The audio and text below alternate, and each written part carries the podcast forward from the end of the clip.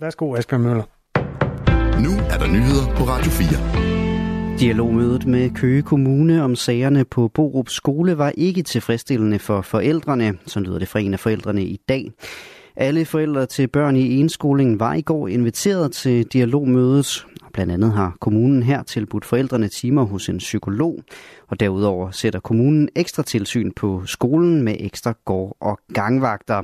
Men ifølge Christina Nielsen, der altså er forældre til et barn på skolen, så får forældrene ikke det, som de har brug for.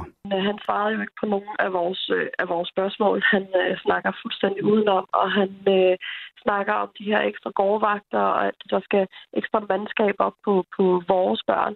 Og det er, jo ikke, det er jo ikke det, vi har brug for. Hun efterlyser konkret handling. Det, som der simpelthen trænger sig mest på, og det gælder alle de her forældre, der, øh, der er lige så nervøse som mig, det er, hvorfor er det, at de her børn de skal stadigvæk gå på skolen? Hvorfor er det, de skal gå sammen med dem, øh, de faktisk også har, har krænket? De sidder i den samme klasse. De sidder ved siden af hinanden. Altså, det kan jo simpelthen ikke være rigtigt. Der er blevet indkaldt til et møde med forældregruppen i slutningen af måneden.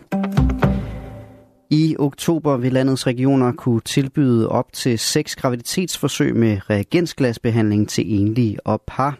Dermed bliver det muligt at få tre ekstra forsøg hos de offentlige fertilitetsklinikker.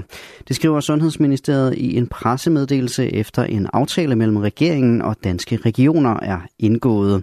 Pengene til de ekstra graviditetsforsøg kommer fra årets finanslov, hvor der blev afsat 45 millioner kroner over tre år til styrket fertilitetsbehandling.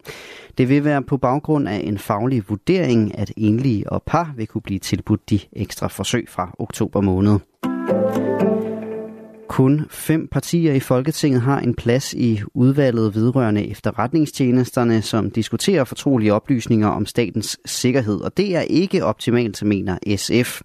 Partiet foreslår i forbindelse med de igangværende politiske forhandlinger om en styrkelse af det tilsyn, der holder øje med efterretningstjenesterne, at få alle partier repræsenteret. Det handler i virkeligheden om, at der er blevet mange flere partier. Øh, og jeg har i virkeligheden altid synes, at det både styrker den demokratiske indsigt, men jeg tror faktisk også, det vil være vældig afdramatiserende for øh, de partier, som øh, ikke har en plads der, at sidde der og finde ud af, at tingene er i meget god orden.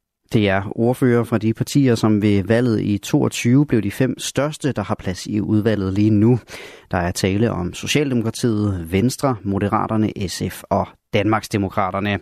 Der behandles emner af alvorlig sikkerhedsmæssig karakter i udvalget. Dem har kun regeringen og udvalget oplysninger om, som det er i dag. Karina Lorentzen forstår godt, at der kan være en bekymring og en risiko omkring læk af klassificeret information, men hun tror ikke, det bliver et problem, hvis flere får plads ved bordet.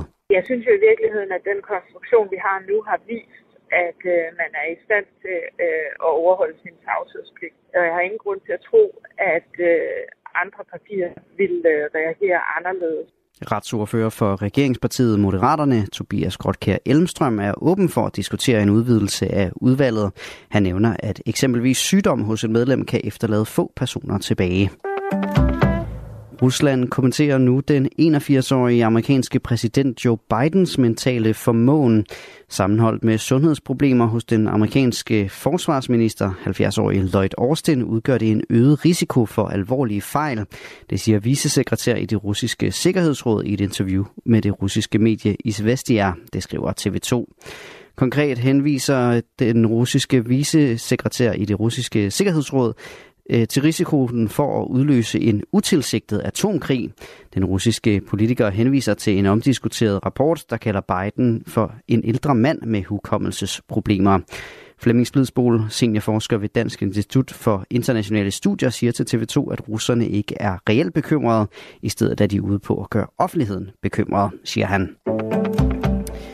Den ubemandede månelander ved navn Odysseus fra den amerikanske virksomhed Intuitive Machines er blevet opsendt. Det er Elon Musks rumfartsvirksomhed SpaceX, som har bygget den Falcon 9-raket, månelanderen fragtes med. Missionen er USA's første til månens overflade siden den sidste mission i Apollo-programmet for cirka 50 år siden. Og så kig på vejret, gråt og diset eller tåget vejr og perioder med regn i dag. Temperaturer mellem 3 og 10 grader. Svag til jævn vind. Det var nyhederne her på Radio 4 med Asbjørn Møller.